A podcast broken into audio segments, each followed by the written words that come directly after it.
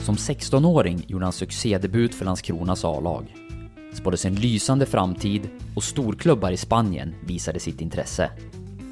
Sedan drabbades han av flera allvarliga knäskador och fick beskedet att fotbollskarriären var över. Tio år senare är han nu tillbaka på elitnivå och en nyckelspelare i det Landskrona som jagar en plats i Superettan. I dagens avsnitt av Ettan-podden med mig, Oskar Lund, möter jag Niklas Nilsen. Niklas Nilsen, varmt välkommen till Ettan-podden. Stort tack, stort tack. Hur är läget med dig idag? Jo, det är bra. Det är början på veckan här. Uh, ny vecka, nya möjligheter så att säga. Men uh, det, det känns bra. Vi drar igång direkt med en eh, faktaruta som i vanlig ordning driver podden framåt och Niklas första frågan det är ålder. 28 nästa vecka. Fyller 28. Hur känns det då? jag känner mig gammal. Men nej, det, det känns okej. Okay. Det gör det. Ja, det, är, det låter bra och eh, din eh, debut på hög nivå, den kom ju för många år sedan får man säga. Du var bara 16 va? När du gjorde 16, ditt första framträdande i Landskrona Boys A-lag? Yes, eh, 2009 var det, eh, för att vara exakt, av eh, 16 år var jag och fick hoppa in borta mot Sirius. Eh, fick jag en 10 minuter, en kvart ungefär och sen matchen efter fick jag hemmadebuten där och då fick jag åtta minuter och två eh, gjorda mål så det, det, det var en bra start. Ja, det får man, eh, det kan man lugnt säga. Hur minns du tillbaka på den tiden och när du precis slog dig upp och slog dig in i Landskronas A-lag? Eh, just då var det väl väldigt intensivt. Allting gick ju ganska fort egentligen.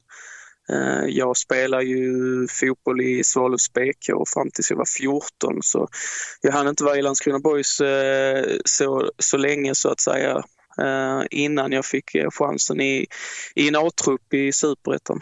Så det gick ju väldigt fort. Samtidigt så var det ju extremt kul. Ja, jag förstår det och vi har pratat en del om Landskrona nu direkt i inledningen och det kommer vi nog fortsätta med för att eh, nästa fråga i faktarutan det är nuvarande klubb. Landskrona Boys. Och du är ju tillbaka där. Vi pratade om den här starten när du kom upp i Boys A-lag, när du var 16 år och eh, sen blev inte tiden där speciellt lång. Nu är du tillbaka igen inför den här säsongen. Men om vi återigen då backar bandet till eh, starten med eh, Landskrona. Kan du inte ta oss igenom lite grann din, din första tid och ja, vad som hände under de där första åren i Landskronas A-lag? Eh, ja, eh, som sagt, som jag sa liksom, så, så gick allting ganska fort. Eh, jag blev uppflyttad för andra delen av säsongen 2009 och spelade i stort sett varje match där efteråt. Blev, man kan väl egentligen säga att jag var ganska nära så ordinarie som jag kunde bli. Jag fick starta i stort sett varje match och det var sällan jag hamnade på bänken där. Så jag fick ett fint förtroende av min dåvarande tränare Anders Lindroth. Sen, sen jag var väl väldigt intensiv av mig. Jag tog för mig kanske lite för mycket. Eh, På vilket sätt då? Ögon. Nej, men jag tog plats. Alltså en 16-åring som kommer upp och tar mycket plats. Eh, det kan vara känsligt för många och det, det var det också. Eh, det var många som inte tyckte om mig om man säger så. Hur kunde du märka det då så att säga? På vilket sätt uttryckte andra spelare misstänker att du kanske pratar om de känslorna? Ja, men alltså i, idag eh, har jag ju eh, Max Möller som tränare. Han var ju en av spelarna som tyckte att jag var extremt jobbig. Eh, men sen i slutändan så slutade det med att eh, det var han och Kristoffer eh, Tapperholter liksom som jag kom närmst eh, i A-truppen. Eh, så det, det, är intressant så att säga. Så jag har fått höra mycket därifrån. Sen är det klart att där är, det har visat sig på träning också. Eh, sista träningen eh, 2009 så fick jag ett slag i magen av en spelare under en spelövning. Liksom. Jag kommer inte nämna några namn dock, men det är lite så. Men han spelade inte Landskrona Boys året efter och han var väl en av dem som verkligen störde sig på mig. Vad, men vad kunde du göra då? På vilket sätt eh, kunde den här intensiva Niklas visa sig? Vad var det för någonting som du tror att de andra störde sig på när det gäller din ja, men attityd eller framtoning då? Nej, men jag, jag kunde snacka, snacka mycket, jag tog för mig och liksom jag var inte rädd för att säga emot. Eh, det var väl det jag tror de många reagerar på att eh, någon gång så kunde det bli liksom att man tar ett konstigt eh, beslut där och så blir det, får man ja, kritik mot det och sen skulle det vara på andra hållet, ja men då, då sa jag också ifrån liksom och det, det är väl inte så vanligt kanske när man är ung och, och 16 bast liksom att man säger till lite äldre spelare att bruka vara liksom. Men det var inte bara på det sättet som du tog för utan du tog också onekligen för dig spelmässigt, eh, visade upp på planen vad du kunde och det drog också blickarna till sig både genom landslagsspel med ungdomslandslag men också intresse från stora utländska klubbar. Absolut.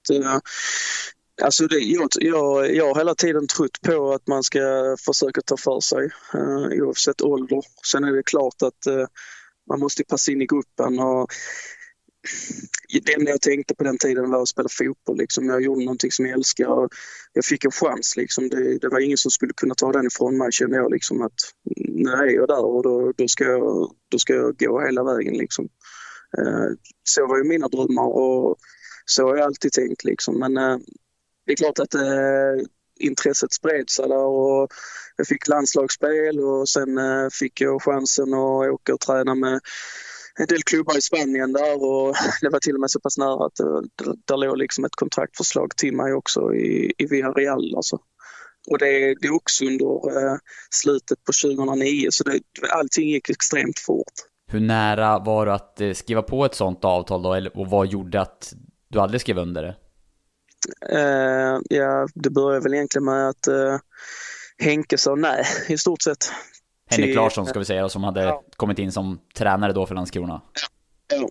Han sa ju strikt nej liksom och menar bara på att min, min agent var ute efter att tjäna, tjäna lite pengar och, och sådana här saker. Även om Sen är ju, vill jag ju inget annat än att, det, var ju, det är ju alla fotbollsspelares dröm liksom att få spela för, för en eh, stor klubb i, utomlands eller eh, alltså. Så det, det, det är klart, det, eh, det var ju ganska självfallet vad jag ville. Men, Hur gick diskussionen då, då? Hur pass tydlig var du och, och din representant med vad du ville och vad sa klubben? Hur var turerna där fram och tillbaka? Nej, men alltså det var ju... Det var, jag hade väl inte, det var väl inte så mycket kontakt över med klubben i sig för Henke var ju manager då också på den uh, tiden liksom så, så han skötte ju allt liksom och han, uh, jag fick ett ganska tydligt nej direkt liksom uh, vad som gällde. Det började väl ganska, med, ganska enkelt med att de ville att att jag skulle komma över i två veckor och titta på träningsanläggningen och träna och lära känna miljön där liksom. Men äh, även det tack eh, sa han nej till liksom. Ja, tråkigt förstår jag i den åldern. Men du var och besökte några andra klubbar, va? Vilka var det? Nej, det var jag inte. Okej, okay, du blev inbjuden till andra klubbar i alla fall? Ja, och det var eh, Valencia och Sevilla och Real Madrid. Ja, det är ju skapliga klubbnamn som du nämner får man säga. Ja, var det. Absolut. Sen, sen var, det väl inget konkret där direkt om något annat än träning. Men, men eh, utan det var ju Villarreal som verkligen visade visa någonting om man säger så. Ja, men det blev då som sagt eh, ingen övergång. Landskrona sa nej då. Du blev kvar och eh, sen började en tung tid med flera allvarliga skador som i slutändan skulle göra att du var borta från elitfotbollen fram tills i år. Vad var det som hände då?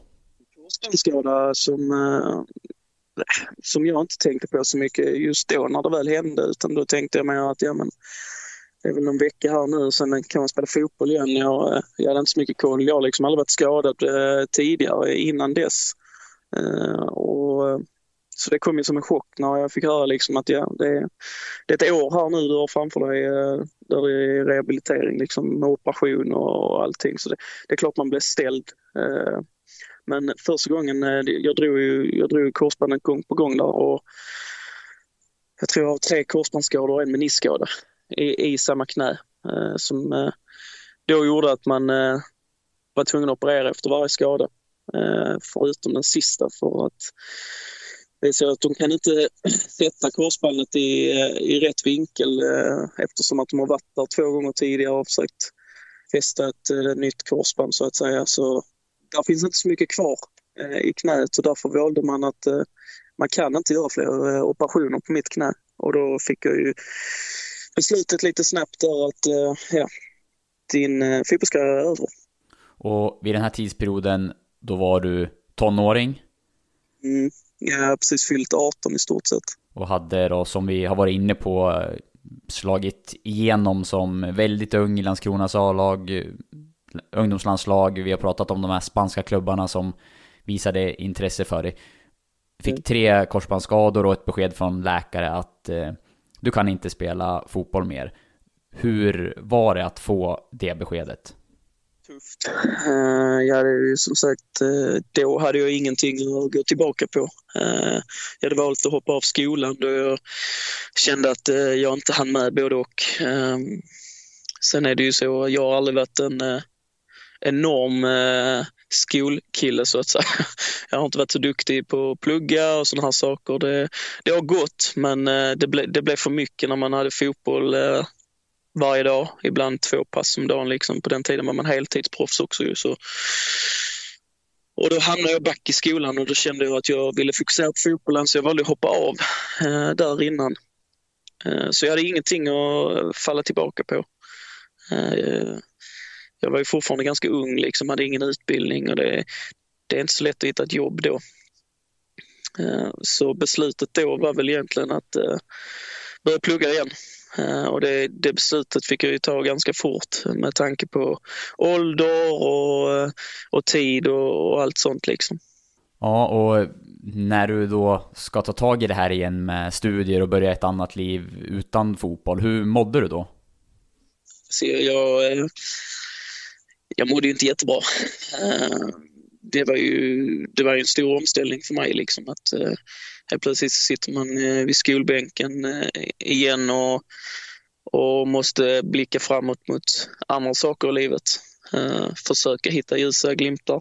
Uh, sen är det ju såklart svårt också uh, när fotbollen drog igång igen. Ja, men då, då visste man liksom att man inte skulle vara med och följa det på distans. Det, det, är, inte, det är inte en god känsla man får då. Liksom. Nej, jag förstår det. Vi det vi pratar om nu leder oss in på nästa fråga i faktarutan, men vi kommer såklart att eh, fortsätta prata om hela den här resan som du har varit med om och som eh, nu då innebär att du är tillbaka i Landskrona. Så att eh, ni som lyssnar, ni kommer inte att missa den storyn. Men vi pratar om utbildning och då undrar jag över sysselsättning. Jag är bilmekaniker på ett företag i Svalöv som heter Motcenter. Och eh, det är kopplat då till det du läste i eh, gymnasiet om jag inte har helt fel, men även efteråt då? Ja, helt rätt. Jag, jag gick en fordonsutbildning utbildning där så utbildade mig till tekniker eh, Eh, och har eh, fortsatt på den, eh, den stigen så att säga.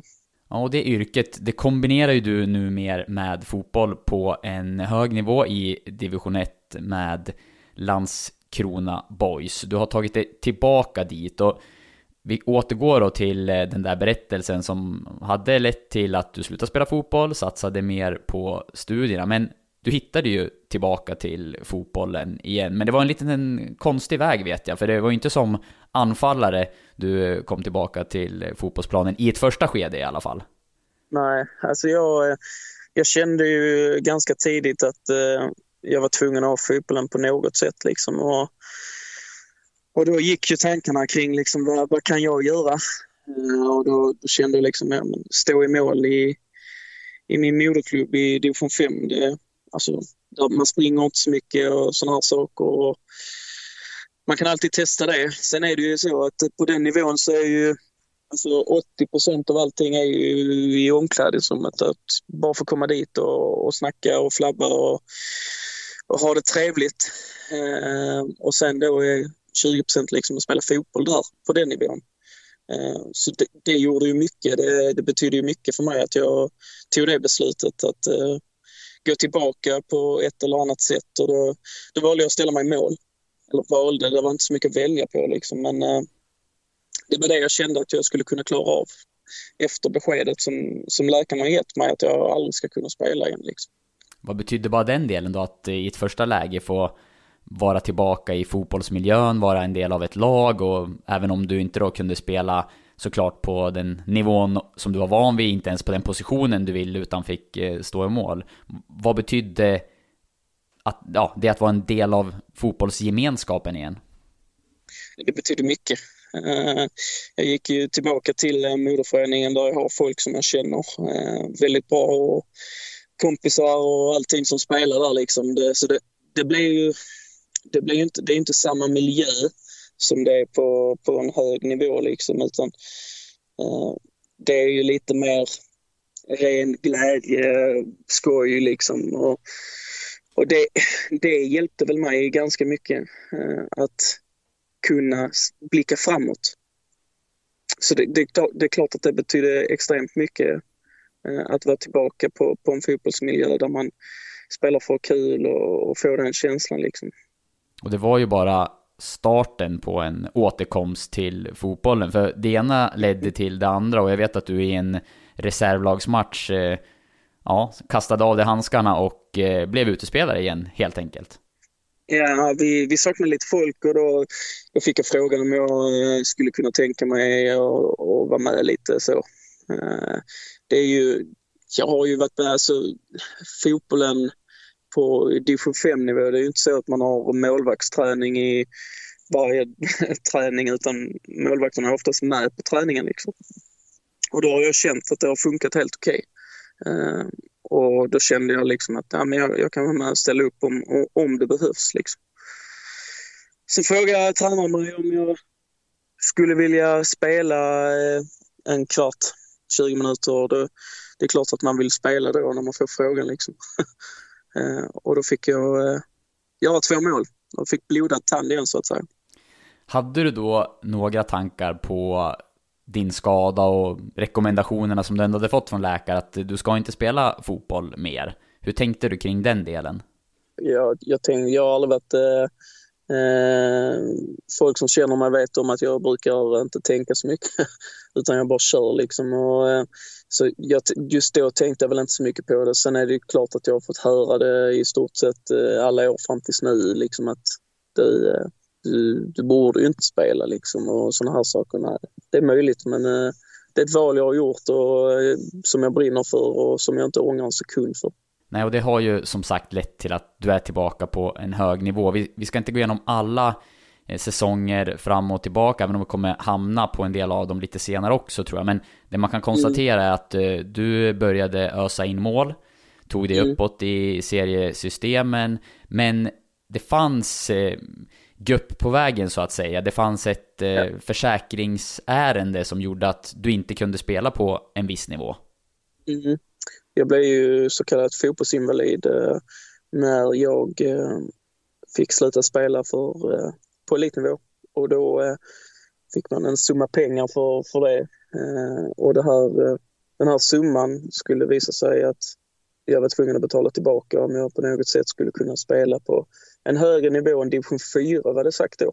Och eh, när vi då vann division 4 i, med Kågeröd så eh, så tog man upp frågan och efter många, många diskussioner så blev det då godkänt med division 3.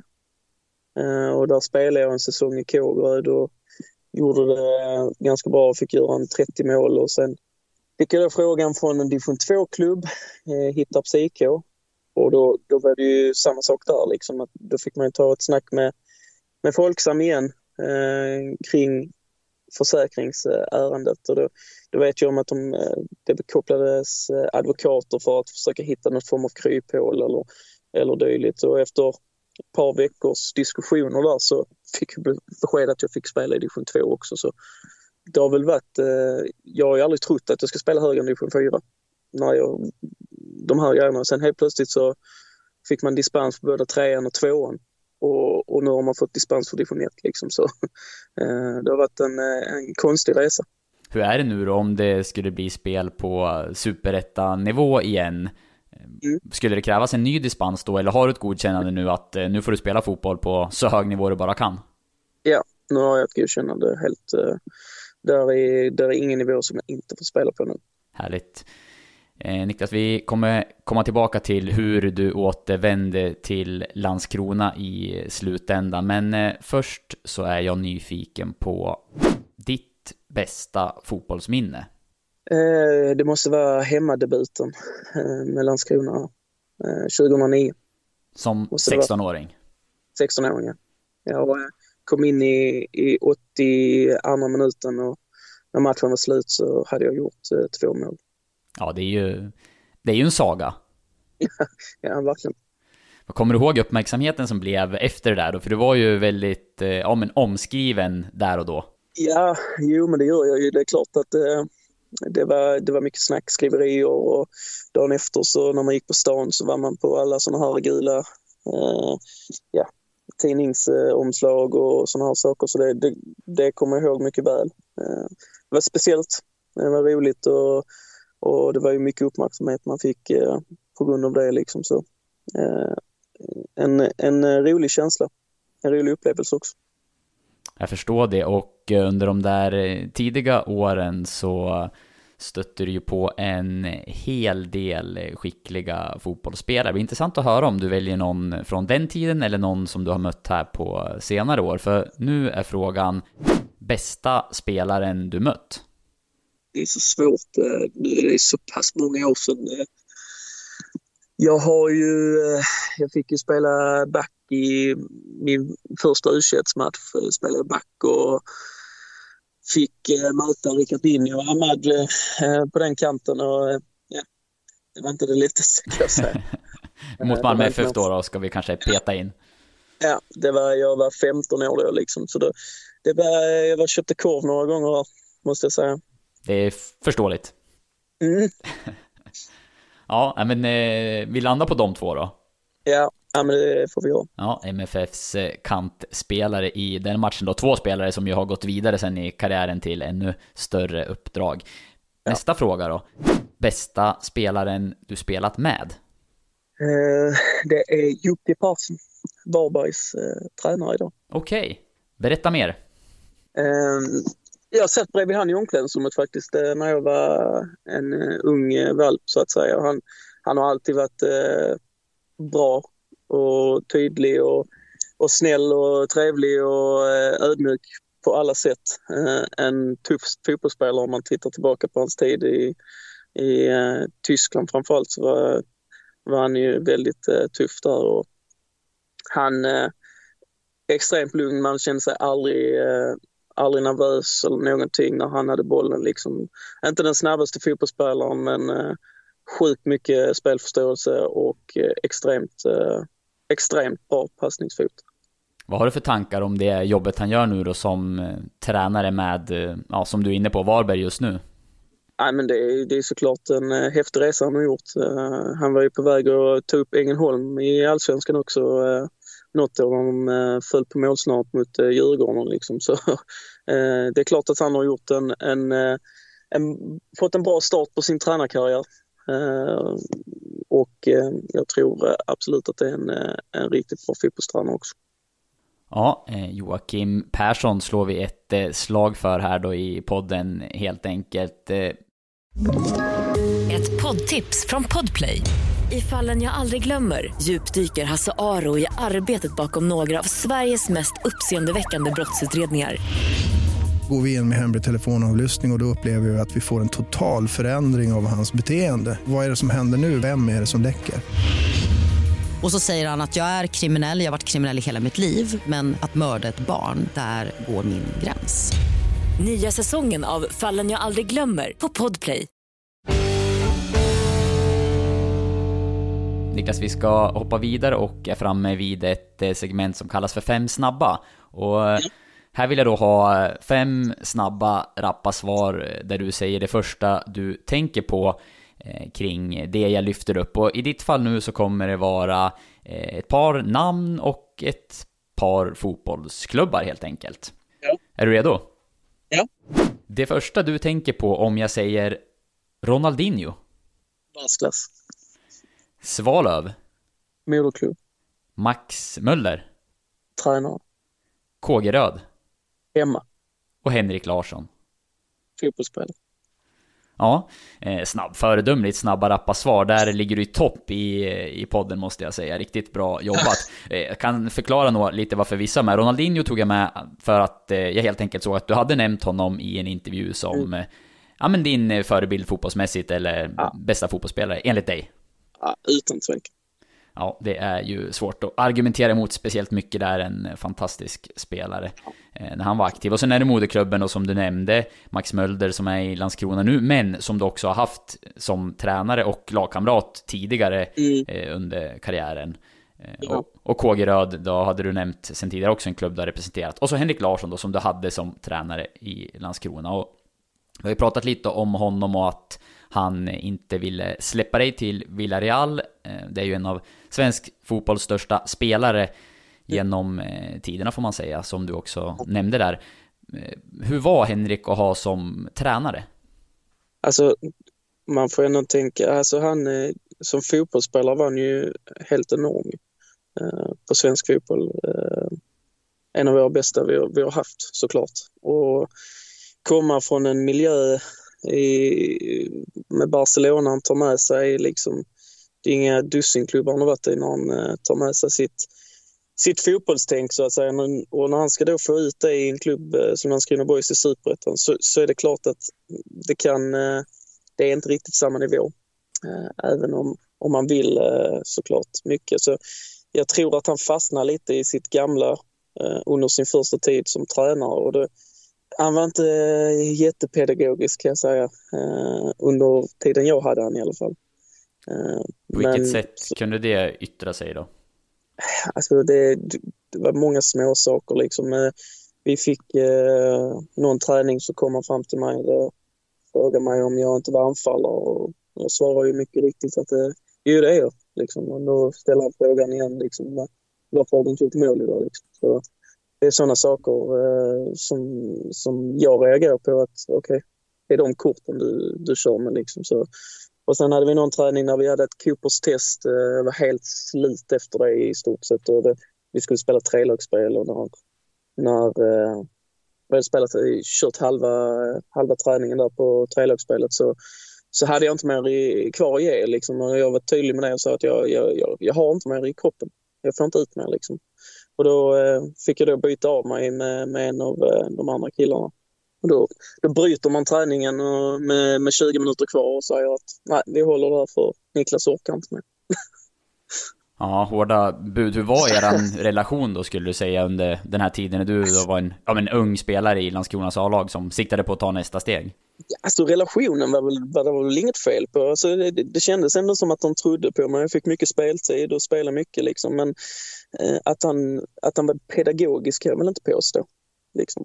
Jag var inte särskilt gammal på den tiden heller när, eh, när man får, eh, får sådana saker. Sen är det klart att det, det, det är en stor fotbollsspelare som, som säger dessa sakerna till en. Eh, och det, det, det är klart att man tar åt sig eh, då extremt mycket.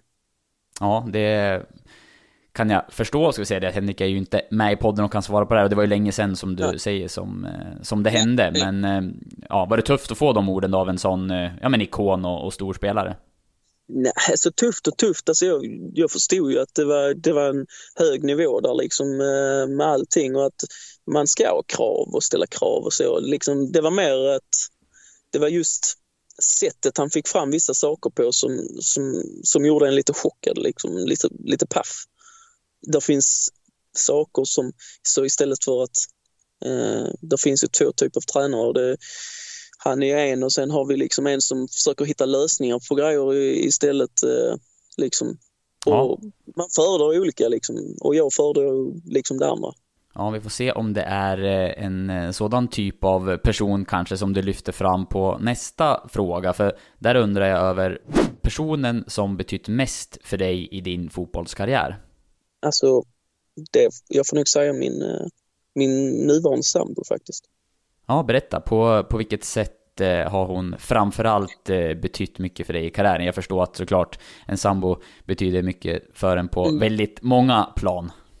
Ja, alltså det, hon, hon, var, hon var inte med eh, under tiden jag tog steget upp så sett.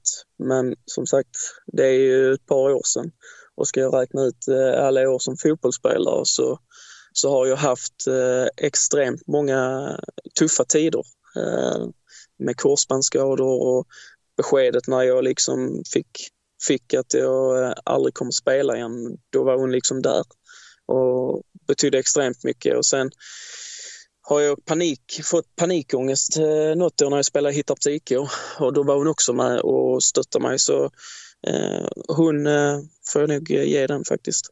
Väl förtjänt och vi kommer komma tillbaka till några av delarna som du nämner där lite senare på frågor längre fram här i eh, podden. Men jag vet också att eh, Max Mölder har vi pratat om som du har haft att göra med både som spelare och som tränare och han tillsammans med eh, Billy Magnusson som är Landskronas nuvarande tränarstab, de två var eh, viktiga för dig när det gäller delen att komma tillbaka till elitfotbollen. För vi är ju någonstans framme där då i din eh, berättelse från skadeperioden tidigt och hur du tog dig tillbaka genom de lägre serierna, fick tillstånd att spela på division 2-nivå och sen så kom det ett samtal från Landskrona.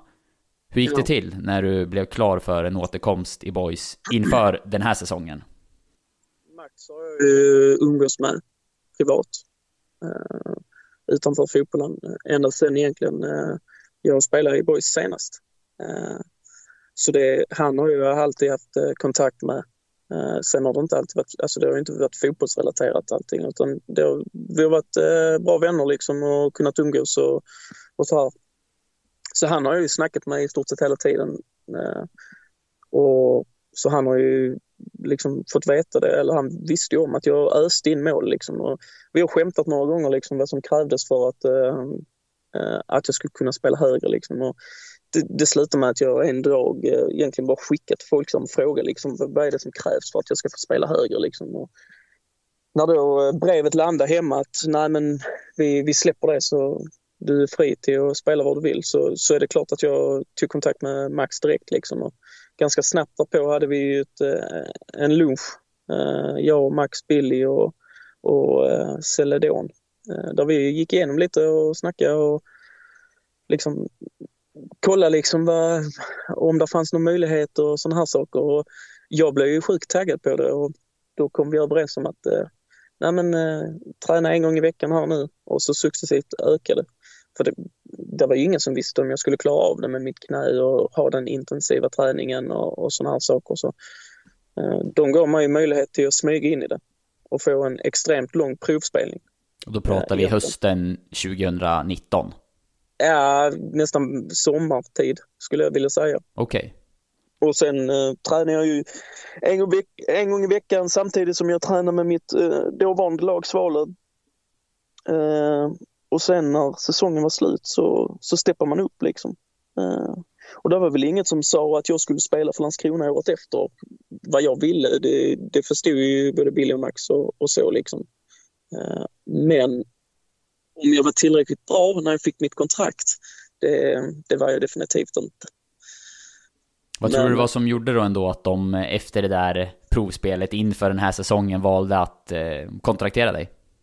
Det var mycket lokalt och både Max och, och Billy vet ju om vilket, eh, vilket hjärta jag har för, för Landskrona Boys. Eh, sen vet ju Max om, Max hade mig hittat eh, där något år innan och och då gjorde jag det bra liksom, så, och han, så han visste liksom om vad jag, vad jag gick för när jag väl kom igång. Liksom. Så det, det var väl egentligen det som gjorde att eh, jag fick fortsätta. Eh, Billy var väldigt tydlig med att eh, jag har inte riktigt fått någon kontinuitet över, över det. Liksom, och, men jag, eh, jag litar på, på Max och, och vad han säger. Liksom. Så det var, det var väl egentligen stort sett i, i princip eh, precis jag fick ett eh, kontrakt. Ja, och det kan man ju så här i efterhand konstatera var ett eh, smart drag av Landskrona för den här säsongen så har du, trots att eh, du fram tills nu då när vi spelar in den här podden har missat några matcher, eh, levererat åtta mål, vilket i, just nu är näst flest i eh, laget. Det är en comeback-säsong som heter duga. Ja, hittills. Eh, och förhoppningsvis så ska den eh, sluta väldigt lyckligt. Men eh, hur kan du prestera på den här nivån då, på det sättet? Efter att ha varit borta så länge och spelat i lägre serier, du har ett knä som inte har något korsband och som har varit med om ett antal operationer. Vad, vad gör du för att det här ska fungera? Ja, egentligen ingenting faktiskt. Jag, jag tränar som vanligt liksom. Så det, det är klart, det är inte så mycket mer jag gör eh, faktiskt. Eh, utan det bara funkar. Sen är det klart att denna säsongen har varit extremt speciell också. Det, det har varit tufft för, det har inte bara varit tufft för mig och, och sådana här saker utan vi har i stort sett haft tre matcher eh, på en vecka där varannan vecka liksom hela året. Eller sen säsongen började. Så det är klart att det, det har slitit på en. Eh, och att, att då knäna på mig skulle känna av det, det, det förstod jag att det skulle göra förr eller senare, liksom, att det skulle komma lite, lite förslitning, lite överansträngningar och sådana här saker. Precis som vilken fotbollsspelare som helst i den här serien. Det, med bak, många har dragit baksidor och sådana här eh, bristningar och sträckningar. Och det blir så när man eh, spelar så intensivt som vi har gjort då. Eh, så att, att jag skulle gå smärtfri hela året, det, det förväntar jag inte mig. Eh, sen är det ju klart att det har ändå gått att fortsätta spela trots att man har haft en liten överansträngning eller någon sån här sak. Och det, det har inte blivit värre som tur är. Men hur, eh, hur ont har du då så att säga? Hur mycket påverkas du i vardagen av eh, ditt skadade knä och som nu utsätts för tuff belastning under en sån här säsong? Ja, alltså just nu påverkas det ingenting eh, i stort sett utan det var det kunde vara lite dagen efter match för att man kände sig stel i, i, i knäna och sådana här saker. Liksom. Men ingenting, jag går inte runt och har ont och har smärta och sådana här saker. Liksom. Skönt att eh, höra och eh, som sagt eh, Niklas, jag säger det till lyssnarna, har levererat på en hög nivå i division 1 med ett topplag den här säsongen. En häftig resa som inte är slut än, men eh, där cirkeln på något sätt har slutits lite grann när du är tillbaka. Och nu ska du få blicka tillbaka lite, vet inte hur långt, det är upp till dig. Men eh, nästa fråga är i alla fall en märklig händelse du varit med om under din fotbollskarriär.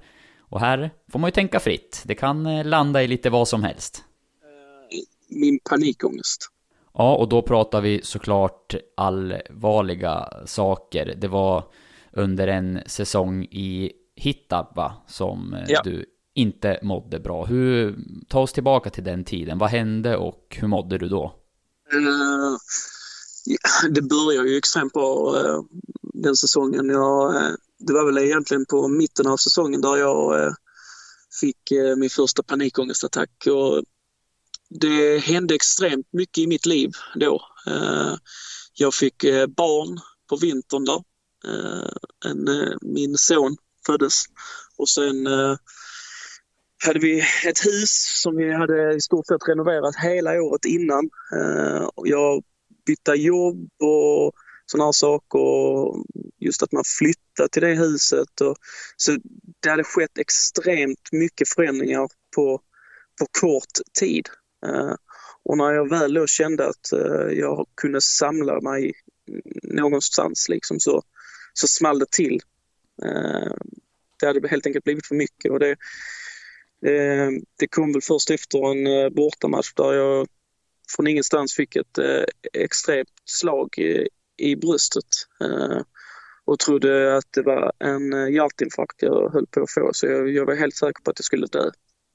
Det var alltså inget eh, fysiskt slag helt enkelt, utan du, du, kände, du kände en smäll eller tryck över bröstet? Ja, ja jag kände att hjärtat slog till extremt hårt där och sen eh, fick jag eh, att eh, på något sätt börja sticka i mina fingrar och sån, en, eh, inte en strålning men just en, en ömhet som gick ut i mina armar och jag fick problem med andningen och jag var ju i stort sett helt säker på att det var en, en hjärtinfarkt. Så jag, jag ringde, vi ringde en ambulans direkt liksom. Uh, och när de då kom ut så visade det sig att uh, det var inget fysiskt fel på mig utan det, det satt i huvudet. Ja, och det här höll i sig ett tag framöver också om jag förstått det rätt. Ja, det höll i sig i stort sett hela det året med, med panikångestattacker och, och sådana här saker. Det var väl inte egentligen från mm, typ sista matchen uh, på den säsongen som jag spelade där jag liksom inte kände någon som helst rädsla för det. Hur gjorde du då för att ja. ta, dig ut, ta dig ur den här tuffa perioden och, och hitta tillbaka? Alltså på något sätt så utvecklade jag en dödsångest. Jag var extremt rädd för att dö. Eh, och det, det har ju i, i samband med, med att jag, jag fick barn.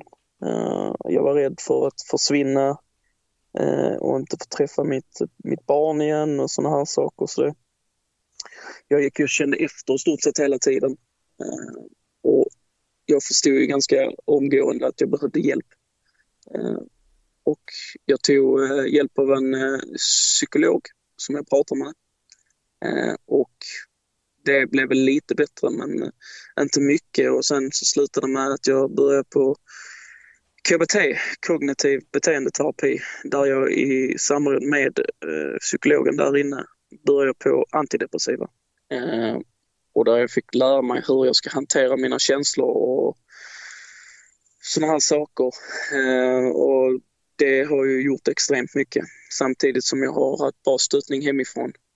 Eh, det slutade väl egentligen med, att på fotbollen så var det eh, ganska enkelt att Max eh, och Hittarp, de löste så att jag fick en full kontroll på mitt hjärta. Och de stod för det, de betalade det till mig för att jag skulle kunna komma ut på planen. När, när beskedet kom då att allting var bra så kom också Max till mig och sa att du, nu, nu kör du liksom bara och, och minsta lilla du känner av, det, det skiter du Det är inget fel på dig, det är bara att ösa liksom. Och någonstans så fick jag in ett annat tänk i huvudet då. Att det försvann, det gjorde det inte. Eh, jag kände av det, men jag hanterade det. Det påverkar inte mig på, på samma sätt och på så sätt så försvann det successivt eh, bort också. Hur är det idag då? Har du kvar sviter av det här eller hur mår du idag? Jag eh, mår bra idag. Eh, jag går fortfarande på medicin, gör jag. Men eh, överlag så mår jag bra. Sen är det klart att eh, precis som alla andra så kan man ha en dålig dag liksom. Men överlag så mår jag faktiskt riktigt bra. Ja, vad skönt att höra Niklas, att du mm. har tagit dig, ja men ur då, eller vidare och Eh, må bättre idag än vad du gjorde då. Och det leder oss också in på nästa fråga, för det är faktiskt då mådde du som bäst? Uh, ja, jag tror faktiskt jag måste säga nu. Och det blir man ju alltid lika glad över att höra när någon av gästerna svarar, för det är ju så man vill att det ska vara, som bäst, ja. här och nu. Ja. Och vad är det som gör att du känner så? Det är mycket.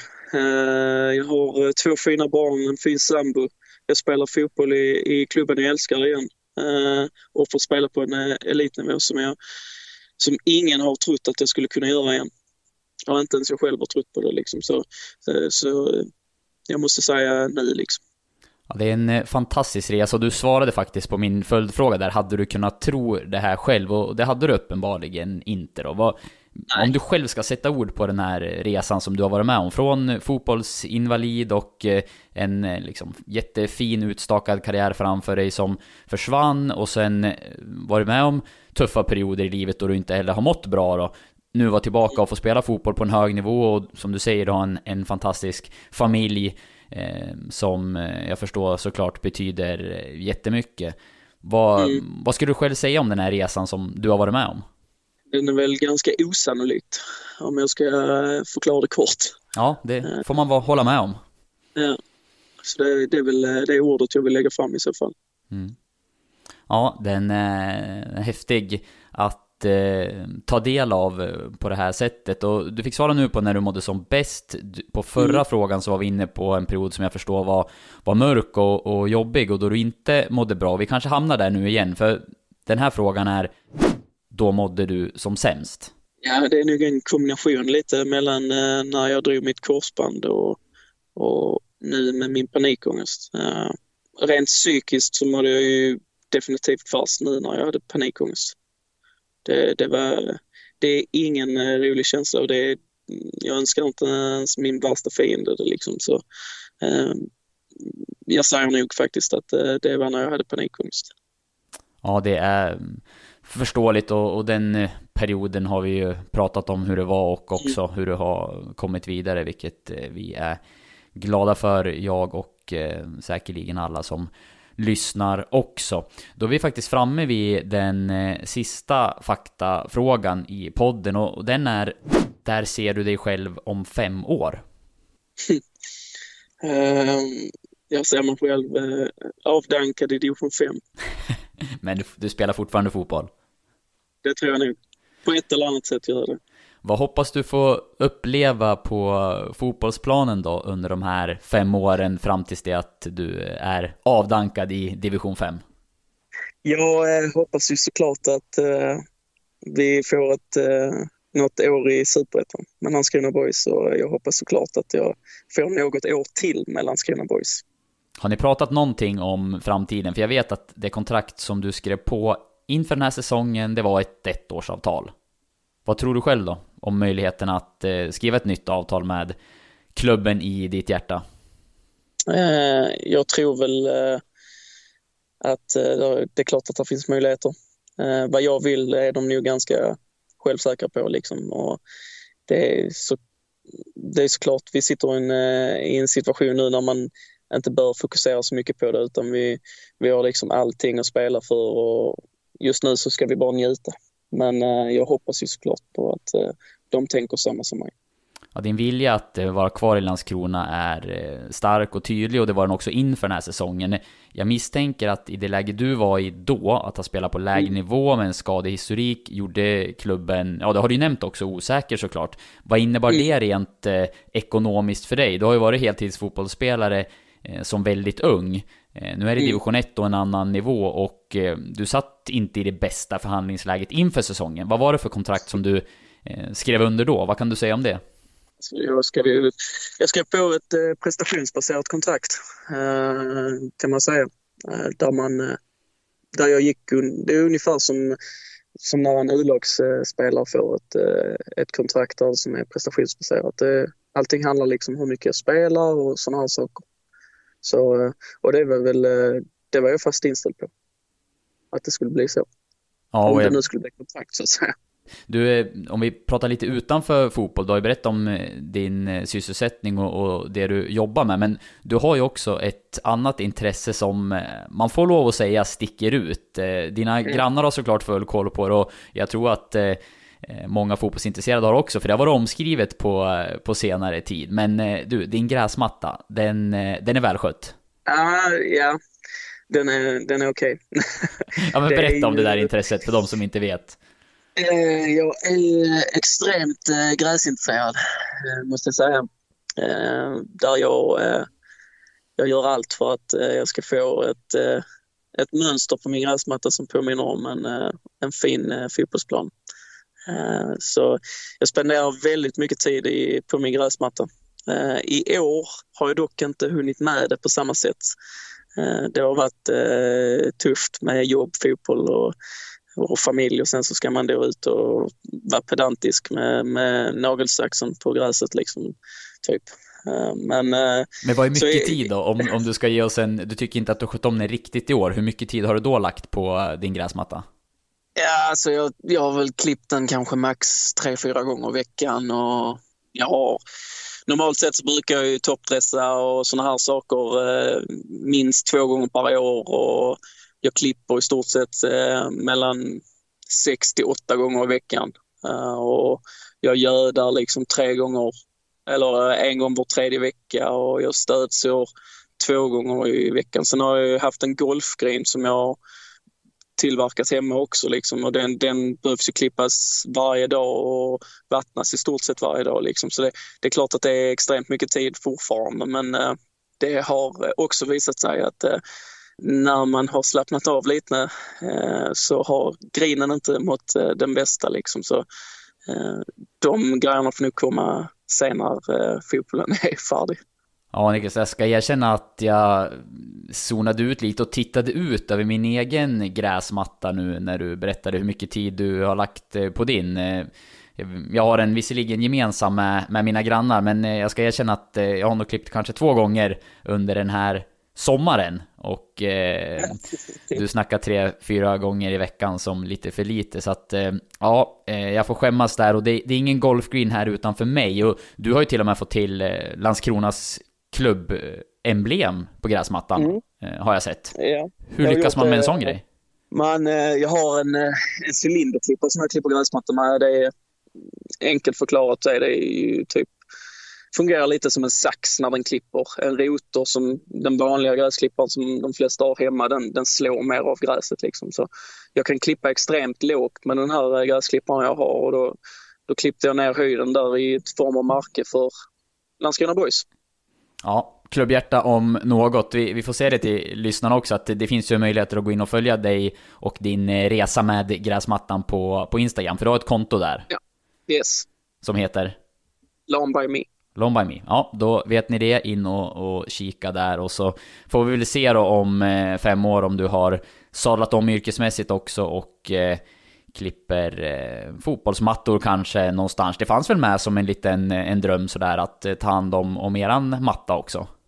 Ja, alltså jag, eh, jag sökte faktiskt jobbet på Landskrona IP tidigare i år. Eh, Okej. Okay. När dåvarande planskötaren pensionerar sig. Men det är, det är kommunen som sköter våra planer så det är ju det är lite, det, det styrs lite internt istället där så det, det blir inget tyvärr. Men annars hade det varit roligt såklart. Ja, det kommer kanske nya mm. chanser. Eh, Niklas, eh, stort tack för att du har varit med i Ettan-podden, att du har eh, delat med dig av din fascinerande historia både på och eh, utanför fotbollsplanen. Och så säger jag stort lycka till både med den fortsatta fotbolls karriären och med livet i övrigt. Stort tack, stort tack. Tack också till er som lyssnat och eh, det kommer komma något poddavsnitt till där vi summerar den här säsongen innan vi stänger ner för upplagan 2020. Så hoppas att ni är med oss då också och tack för idag.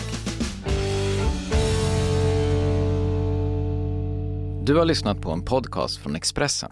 Ansvarig utgivare är Klas Granström. Ett poddtips från Podplay. I fallen jag aldrig glömmer djupdyker Hasse Aro i arbetet bakom några av Sveriges mest uppseendeväckande brottsutredningar. Går vi in med hemlig telefonavlyssning och, och då upplever vi att vi får en total förändring av hans beteende. Vad är det som händer nu? Vem är det som läcker? Och så säger han att jag är kriminell, jag har varit kriminell i hela mitt liv men att mörda ett barn, där går min gräns. Nya säsongen av Fallen jag aldrig glömmer på Podplay.